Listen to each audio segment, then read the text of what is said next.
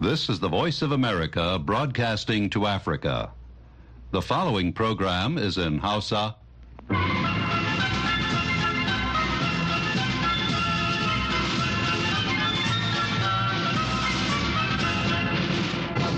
Sashen Hausa na murya Amurka ke magana daga nan birnin Washington DC.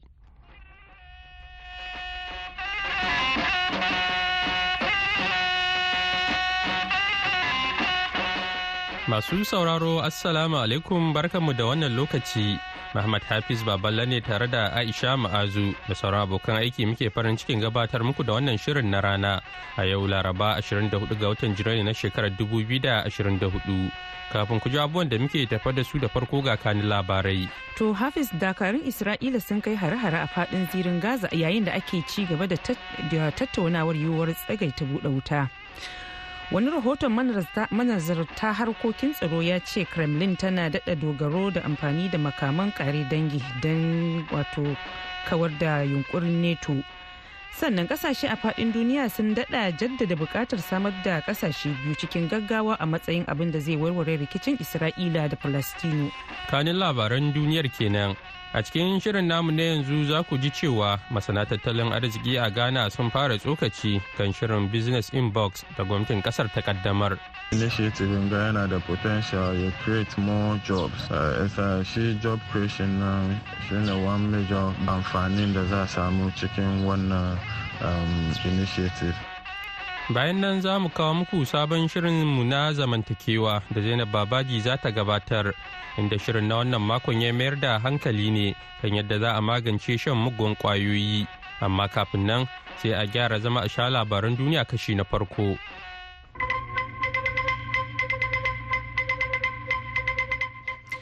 Masu sauraro assalamu alaikum barkanku da wannan lokaci ga labaran duniya. Isra'ila ta faɗa a yau laraba cewa dakarunta sun kai hare-haren sama da ƙasa a arewaci tsakiya da kudancin gaza. Yayin da shugaban majalisar ɗinkin duniya ya gargaɗi a kan irin mummunar barnar da sakamakon yaƙin zai haifar ma fararen hula 'yan filistino sannan da ziyarar wani jakadan amurka da yake shirin kaiwa yankin wanda manufarsa zai ƙunshi tattaunawar yiwuwar tsagaita buɗe wuta na wucin gadi. Ayyukan sojin na isra'ila sun hada da birnin khan yunis a kudancin gaza inda aka ci gaba da gwabza mummunar fada a makonnin baya-bayan nan. Sannan isra'ila ta ce ta kewaye yankin. Wata sanarwar sojojin isra'ila ta yi wa mutanen da ke yankin arewacin kan yunis gargaɗi su fice. Sanarwa na baya-bayan nan irin wannan da isra'ila ta yi da zimmar kare fararen hula. To sai dai kuma yayin da yaƙin yake daɗa kutsawa can kudu. Sannan kusan duk mazauna yankin sun gudu sun bar gidajensu. Ana daɗa samun ƙarancin wuraren da fararen hula za su iya samun mafaka ofishin majalisar ɗinkin duniya da ke bibiyar al'amuran jinƙai ya ce sanarwar ficewar ta shafi wani yanki da ke da yawan mazauna mutum dubu tamanin da takwas bayan wasu dubu ɗari huɗu da ashirin da biyar da aka kiyasta cewa suna fakewa a makarantu da wasu wurare. Babbar asarar da rasha ta yi a mamayarta na ukraine na nufin cewa yanzu moscow za ta fara tunanin amfani da makamanta na kare dangi a filin daga yayin da take daɗa ganin mahimmancin daƙile wani yunkuri da kuma yin nasara a kan neto bisa bayanan wani sabon rahoto da cibiyar ƙasa da ƙasa na nazarin tsarin mulki wato international institute for strategic studies iiss a taƙaice wanda ya gargaɗin cewa ya zama wajibi ƙasashen yamma su yi tsaye akan wannan barazanar makamin kare dangin. A ranar 22 ga watan fabrairun 2022 a sa'ad da tankokin rasha na farko suka nufi kan iyakar ukraine a farkon mamayarta a ƙasar shugaban rasha vladimir putin ya yi wata jawabi da aka yada ta ta kafar talabijin inda ya gargaɗi a duniya suka gani cewa fuskantar sakamakon wato fuskantar sakamakon da babu za ku fuskanci sakamakon da ba ku taba fuskanta ba a tarihi har idan aka yi yunkurin hana rasha ɗaukan matakin da ta yi niyya. Barazanar da galibi ake ganinta a matsayin bayyana ƙarfin ikon makaman kremlin. Rahoto na iss iiss ya ce akwai fargabar cewa zafafa hare-haren rasha ne ya sa ƙasashen yamma gaggauta tallafawa kif da makamai. Sai dai kuma kimanin shekaru biyu yanzu wani rahoton sirrin da amurka ta fitar a watan jiya ya kiyasta cewa rasha ta yi asarar dakarunta akalla 315 a ukraine tun daga farkon mamayarta. Da farko budurwar michael soros ta yi tunanin cewa ya zautu ne bayan da ya ce mata zai halarci wani taro. Sai dai bayan karanta saƙon gayyatar da aka turo masa ta imel ta fahimci cewa babu yadda za a yi ya bai halarci bikin murnar nasar da trump ya yi a zaɓen fidda gwani na new hampshire ba. Trump uh, michael soros ya faɗa cewa a duniyar nan muna buƙatar jajirtacce. Wato soros ya faɗa yana nufin abin da ya ayyana da buƙatar da ke akwai ga shugaba ya rinka mu'amala da mutane kamar shugaban koriya ta arewa mai mulkin kama karya kim jong-un da vladimir putin jajirtacce wanda yake duka ba tare da kai naushi ba. Tsohon shugaban amurka sannan dan takarar shugaban kasa a zaɓe mai zuwa donald trump ya yi nasara a zaɓen fidda gwanin jam'iyyar tasa ta republican da aka gudanar a new hampshire inda ya nasara da sama da kaso 54 na yawan ƙuri'un da aka jefa tsakanin shi da tsohuwar jakadiyar amurka majalisar ɗinkin duniya nikki haley wacce ta samu kaso 43 na kaso 81 na yawan ƙuri'un da aka kada. To madalla kafin ku ji ƙarashin labaran duniyar za mu fara kawo muku rahotonmu na farko. Yayin da gwamnatin ƙasar ghana ta dukufa wajen samarwa da matasa aikin yi da farfado da ƙananan masana'antu a ƙasar mataimakin shugaban ƙasar mahmudu bawomiya ya ce sabon shirin business inbox ko bizbox zai samarwa da matasa maza da mata aikin yi miliyan ɗaya. Masu sharhi kan harkokin tattalin arziki sun ce wannan shirin zai samar da ayyukan yi da kuma taimakawa tattalin arzikin ƙasar daga akara. Ga rahoton da wakilinmu Ridwan Abbas ya haɗa mana. Wannan shiri na Business Inbox ko Box ya mai da hankali ne akan baiwa ƙananan kamfanoni masu tasowa dama da ƙarfi musamman mata matasa da sun kaso gudanar da harkoki su samu ƙwarewa da samun damar kasuwanci da kuɗi da fasaha su so masu gina su kuma bunƙasa harkokinsu. Shirin na akan gimshi kai guda biyar raya ƙwarewar matasa samun damar zuwa kasuwa da kayan soma aiki sai da dama ga cibiyoyin ayyukan matasa da tsarin ƙarfafa gurabu da kuma ka'idodi. Mataimakin shugaban kasa Mahmud Bawumia ya ce kimanin ayyuka miliyan ɗaya za a kirkiro ta kan shirin. in the last seven years, Ya ce a halin yanzu cikin shekaru bakwai da sun ka shige gwamnati ta kirkira ayyukan yi miliyan biyu da ɗigo ɗaya miliyan ɗaya da ɗigo biyu fagen kamfanonin kasa mallakan jama'a dubu dari tara da saba'in da biyar na kamfanoni masu zaman kansu kamar yadda alkaluman siniti ya nuna. Har yau muna son mu kirkiro karin ayyuka miliyan ɗaya tabbaci da muka yadda da shi shine yana yiwuwa mu kirkiro kyakkyawar makoma wa 'yan matanmu da na kasarsu. ministan tireda da masana'antar keti haman da ya samu wakilta ya ce shirin zai taimaka wa ƙoƙari da gane ke yi na farfado da ƙananan kamfanoni sa'an nan ya buƙaci masu cin gajiyar shirin su yi amfani da kuɗi da za a ba su yadda ya kamata ya ce yayin da muke ajiye wannan gimshiki muke samun taimakon kuɗi da za su shiga aljihunmu mu yi amfani da su akan abin da ya sa aka bayar da su. Muna ɗaukan wannan fikira mai muhimmanci a matsayin amincewa da ƙudurori da mafarkinmu na iza matasanmu gaba. Babban jami'an zartarwar ghana enterprise agency kusi yanki aye ta faɗa a cikin jawabinta cewa ba wai kawai shirin zai bai wa matasa ƙarfi ba ne amma kuma zai zama wani babban fatar da zai tabbatar da karfafuwan tattalin arziki wa kyakkyawan gobe na matasan ghana. Shirin na Business in Box a bisa kawanci da mafarkin Mastercard Foundation da dabarun ƙasar da kuma hoɓɓasan Ghana. Miliyan kirkiro ayyuka miliyan ɗaya ne da inganta fagen kamfanoni masu zaman kansu. Bari mu saurari abin da masanin tattalin arziki Lukman Isa zai ce dangane da wannan hoɓɓasa na gwamnati. Initiative ga yana da potential ya create more jobs. Uh, shi job creation na shi ne one major amfanin da za a samu cikin wannan um, initiative. A job creation na yana da direct impact kan economy. Yana bari economy na girma saboda um, yanzu mutane na aiki suna samun kuɗi irin waye na uh, economic activities na yana bari economic growth na zuwa cikin gari. Shirin na business in box zai kasance ne har watan afrilun shekara ta 2027 Radwan Allah Muktar Abbas sashen Hausa na muryar Amurka Accra, Ghana.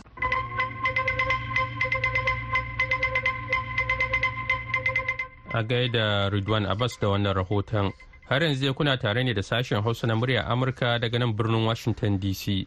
Yanzu kuma ga ƙarashen labaran duniyar. Majalisar Ɗinkin Duniya ta bayyana goyon bayanta ga kudurin kafa ƙasar Filistinu mai cin gashin kanta. a wani zaman da majalisar ta yi a jiya talata kwanaki bayan da firaministan isra'ila ya bayyana matsaya kwakwara akan samar da ƙasashe biyu a matsayin abin da zai kawo maslaha sakataren majalisar ɗinkin duniya antonio guterres ya faɗa ma majalisar kolin tsaron majalisar ɗinkin duniya cewa wajibi ne dukkanin ɓangarorin biyu su kiyaye ƙin amincewa da wannan kudurin a matsayin mafita. Ya ce menene naɗin madadin shi? Guterres ya faɗi ya tambaya. Ya ta yaya tsarin ƙasa ɗaya zai kasance da yawan alƙaluman 'yan falasɗino a ƙasar wanda ba su da 'yancin kansu haƙƙi ko kuma ƙima? Wannan ma ba abin da za a yi tunanin aikatawa ba ne. An sake bayyana buƙatar warware rikicin cikin gaggawa yayin da aka kwashe makonni goma sha biyar ana gwabza yaƙi tsakanin isra'ila da hamas a zirin gaza. Wanda ya sanadiyar kisan sama da 'yan filistinu dubu ashirin da biyar da mutum dubu ɗaya da dari biyu a isra'ila tare da baƙi mazauna ƙasar. A ƙarshe makamashi da ake samarwa mai tsafta daga iska hasken rana da makamin nukiliya zai wadatar da bukatun al'ummar duniya zuwa daga nan zuwa shekaru uku a cewar cibiyar samar da makamashi na duniya. Sannan ya kara da cewa ana daɗa samun raguwar amfani da makamashi mara tsafta.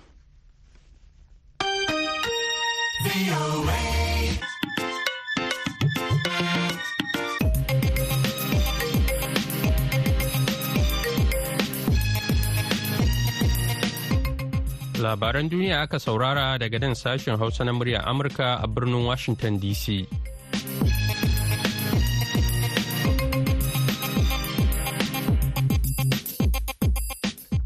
Madalla. Wannan shirin na zuwa muku ne daga nan sashen Hausa na murya Amurka a birnin Washington DC akan mitoci 1625 da kuma 31 a jamhuriyar Nijar kuma za a iya samu a tashar ta BOA Africa akan mita 102.5 ha kuma a yaushe ake so za a iya zuwa shafukanmu na intanet a boahausa.com ko kuma sashen hausa.com domin samun labarai da dumudumin su yanzu kuma ga shirinmu na gaba. Zamantakewar mu. Tsakanin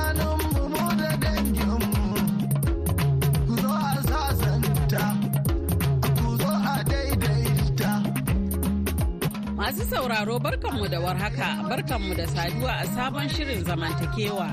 Shirin da zai riƙa tattaunawa kan matsalolin da suka addabi zamantakewar al'umma da kuma zakulo hanyoyin inganta su don samun walwala da ci gaban ƙasa. A yau shirin zai fara ne da duba matsalar shaye-shaye wanda ke daga cikin manyan madafa da ke haddasa rashin zaman lafiya. ba aiki so ya zami dole ne mu dawo muna wannan business don mu ma mu samu lafiya. Kusa da illan ai sai sa muke son gwamnati ta ba mu aiki don mu ma muna da iyalai. Illan shi bata maka kamani ai jikin mu ai temple of god ai kuma ma jikin mu ma muna shan mai wannan abu. Amma mu ma kanmu ba da shan shi ba da muna shan shi domin ya rage mana zafin kai. In kai hai zaka je kai bacci. Bincike da ofishin da ke kula da ta'ammali da miyagun ƙwayoyi da aikata laifuka ta Majalisar Ɗinkin Duniya da haɗin gwiwan hukumar ƙididdiga ta Najeriya suka yi sun gano cewa akalla mutane miliyan goma sha huɗu da dubu ɗari uku ne masu shekaru goma sha biyar zuwa sittin da huɗu ke ta'ammali da nau'uka daban-daban na ƙwayoyi da ke jirkita hankali a Najeriya. Illar shan ƙwayoyin ya taimaka wajen haddasa tashin hankali kashe-kashen mutane da fashi da makami garkuwa da mutane da sauransu. lamari kenan da ya haddasa rudani kiyayya da gaba a tsakanin al'umma kan haka ne zauren zamantakewa ya tattaro matasa da ke aikin yaƙi da shan ƙwayoyi daga sassa daban-daban don tattaunawa kan yadda za a magance matsalar shaye-shaye da hanyoyin samun zaman lafiya Uh, sunana Fadila Hassan daga ƙungiyar um, Alive World Advocacy Initiative da ke yaƙi da miyagun ƙwayoyi. Sunana aliyu hassan ibrahim ni ina zuwan kaina ne ba tare da wata ƙungiya ba. Sunana geoffrey john mu ta matasa ne a tudun wada a jos north. Sunana honorable evelyn fidelis ungwan daga tudun wada. Na zo ne daga ƙungiyar matasa na tudun wada da suke yaki da su ƙwayoyi da ba su da kyau. Ba ma jihar plateau ba. Kusan zan ce a najeriya gaba ɗaya a wato mun samu kanmu cikin yanayi na tashin hankali wanda kuma wannan ta'amali da miyagun ƙwayoyi yana haddasa waɗannan rikita-rikita. Barin fara da kai mr. Joe. Me yasa matasa suke shiga? Ba ma matasa kaɗai ba don mun fahimci cewa har da manyan mutane ma suna ta'amali da waɗannan miyagun ƙwayoyi. A ganin ka me yasa ake ta'amali da waɗannan miyagun ƙwayoyi? Lokaci dai za a duba abin factors din su yi yawa. Wani lokaci in kin duba present yanayin mu a Najeriya yanda abubuwa suka yi wahala yana tura mutane su shiga irin wannan. Daza irin wayannan halaye. Kamar talauci kenan? Yawwa kamar akwai talauci akwai abin da ake akwai abin da ake kira kuma depression wani lokaci. Kin san wani lokaci din abin da kake nema wanda zaka taimake iyali da shi ko kuma ka taimake kanka. Wani lokaci din kana da kuɗin amma abin da kake nema wataƙila kwanciyar hankali a wannan lokacin babu. Sai ya tura mutum ya shiga irin wannan halaye. Wani lokaci zaki zo ki duba akwai ishun talauci. Wani lokaci kuma kin ga matasan mu da suke an gama makaranta za a koya maka dai kawai domin ka gama makaranta ka samu wannan yes wannan certificate din don ka nema aiki. Ba a koya da cewa ya kamata abin da kake koya a makaranta ka sa shi into you so da za ka zo ka duba mene ya kamata ka yi da hannunka domin ka cece kanka ma ka samu mafita haka nan. In aka gama makaranta wani lokaci in babu aikin nan sai ki ga matasa da shike aikin hannun ma ba wai an baka wani abin da zaka fara da shi ba. Sai ki ga sai su shiga wani yanayi. A fadila a ɓangaren ki na san kamar yadda yi maganan matasa wayansu lokacin akan samu har mata ma sukan shiga wayannan ta'ammali da miyagun ƙwayoyi. Ba ma a ce matasa ba wani lokaci har matan aure. Me yasa mata suke shiga ta'ammali da miyagun ƙwayoyi? A tunanina kamar dai kamar yadda shi ma yake faɗa ne. Wani lokaci zaki ga akwai damuwoyi akwai damuwoyi na rashi damuwoyi kuma sannan na zuciya. Wani lokaci damuwoyi na karasa wanda zai jibanci al'amuranka ya jawo ka jiki ya gaya maka abubuwan da ya kamata ka yi da abubuwan da bai kamata ka yi ba. Sannan idan kika cire maganan um, kana ma da wanda zaka je wajen shi kamar iyaye ko wani abu zaki samu yanzu marayu ana cikin wani hali da marayu. Sun zama su iri a society da wani ma baya iya daga kai ya kalle su. To yawanci ga irin su almajirai da ake da su da wasu abubuwa. So wani lokaci kafin ki ankara wani wanda ya zama cewa miyagu ne a cikin al'umma sai ki ga ya jawo su domin ya cimma wani manufashi. Daga dan aikan sigari da sauransu. Before you know it sai ga an introducing yara da yawa into wa'annan abubuwa. To ina tunanin kamar wannan yana ɗaya daga cikin abubuwan da suke jawo mana.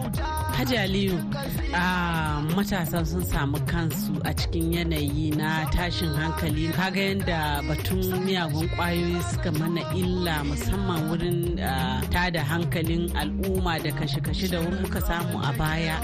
Menene kake ganin kamar yasa matasa suke wannan ta'ammali da miyagun ƙwayoyi wanda wani lokaci sai ka ga ya kai da har ana kashe mutane ba tare ma da an ji kamar ana wani aikin laifi ba ne. Eh wato wannan abubuwa na shan miyagun ƙwayoyi yana faruwa sakamakon abubuwa da dama. Ba za mu ce laifin iyaye ba ne ba za mu ce laifin gwamnati ba ne ba za mu ce laifin kanmu ba ne.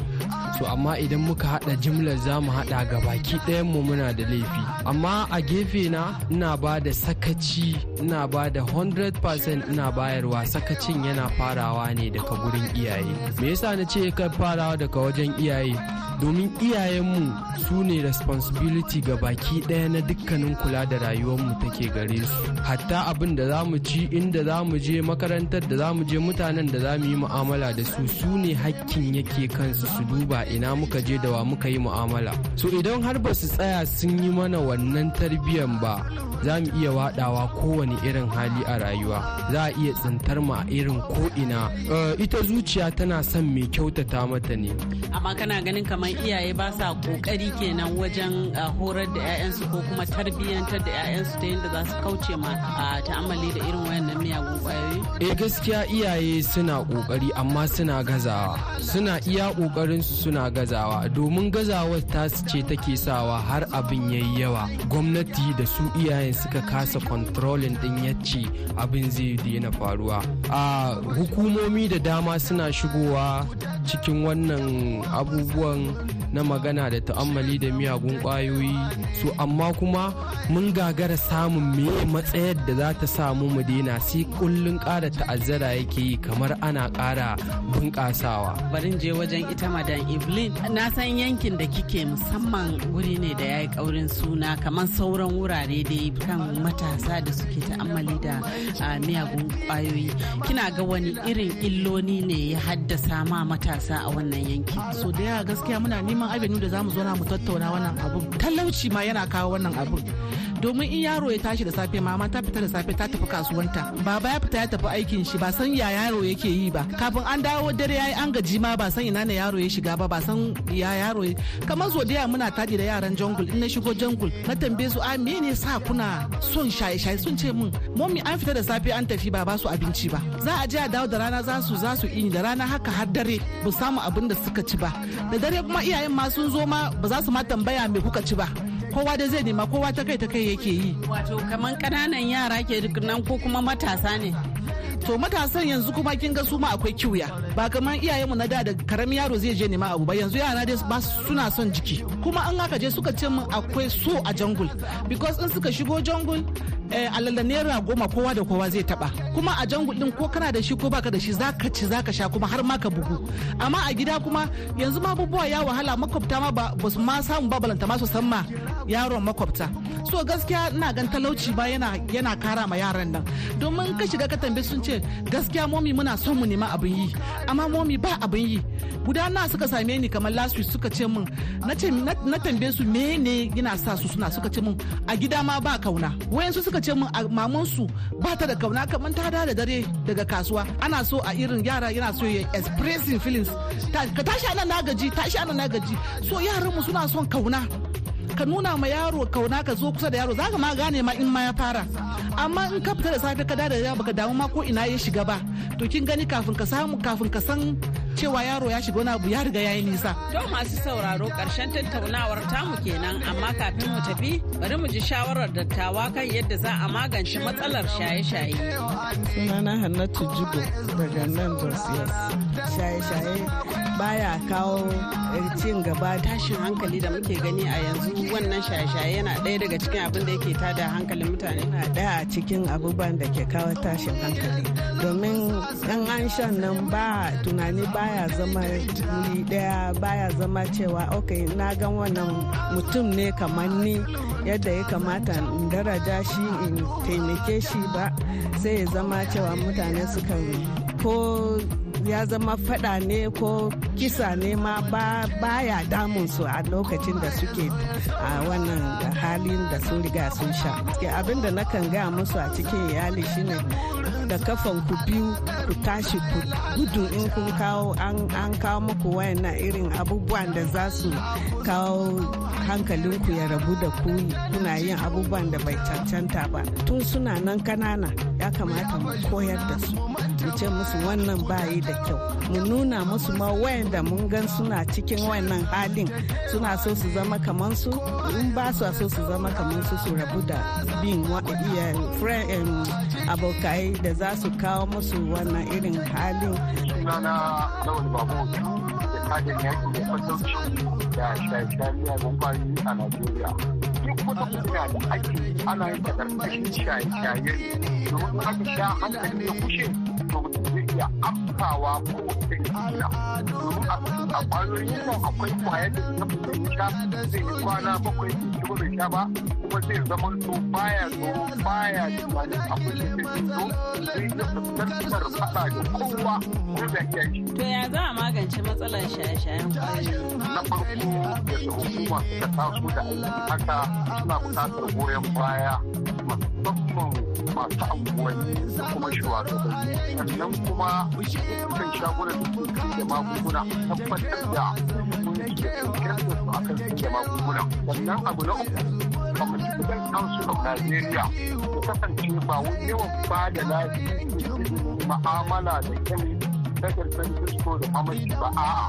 a duba kuma su ke da da sanin na waɗanda za su yi ma'amala da waɗannan magunguna.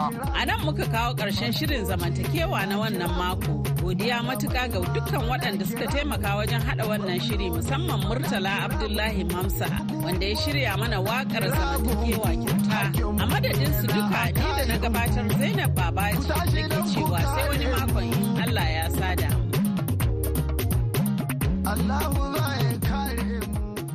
A gaida Zainab Babaji, kafin mu kai ga labarai a taƙaice ga wannan sako. Tsaka mai wuya. sunana asabe baba na haya tsaka mai wuya wannan shiri daga muryar amurka ina jin daɗinsa kuma 'yan najeriya duk wanda yake saurare a duniya ya san yana jin daɗinta domin na ilmantar da mu na karantar da mu na ƙara kawo mana fahimta inda ake samun matsaloli da dalilan matsalolin da kuma yadda ya kamata a shawo kansu sunana Ahmadu Maru, sakataren mai watsa labarai a ƙungiyar maca da manoma da ake ce ma platform paysan na Nishar. Saka mai wuya muna son shi yana cikin ranmu dole da za a yi shi kahin ya fara ma kana tuna wai bisa me za a yau? Wai bisa me za a yau? Duk wanda bai da gaskiya gaskiya yana da wuya gare shi. Wani bi ma ko wani na ma magana ma baka ji in kana saurare sunana ambassador Yusuf Mamman. Ina taya sashen Hausa na muryar Amurka murna saboda shirin nasu mai kayatarwa wato tsaka mai wuya.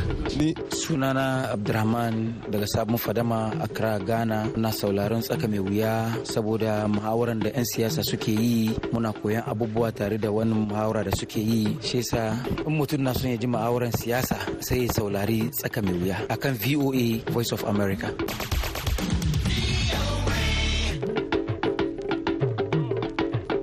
Madalla yanzu kuma ga labaran duniya a taƙaice.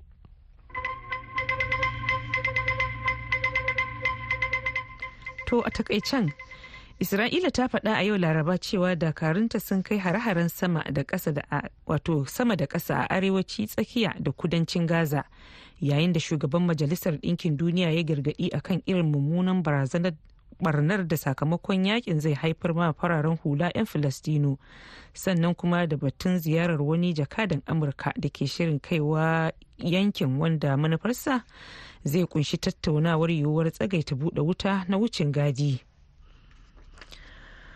Babbar asarar da rasha ta yi a mamayarta na ukraine ya nufin cewa yanzu moscow za ta fara tunanin amfani da makamanta na kare dangi a filin daga yayin da take daɗa ganin mahimmancin daƙile wani yunkuri da kuma yin nasara a kan neto bisa bayanan wani sabon rahoton da cibiyar ƙasa da ƙasa na nazarin tsarin mulki wato international institute for strategic studies iiss a taƙaice ya fitar wanda ya gargaɗin cewa ya zama wajibi ƙasashen yamma su yi tsaye akan wannan barazanar makamin kare dangin. Da farko budurwar michael soros ta yi tunanin cewa ya zautu bayan da ya ce mata zai halarci wani taro.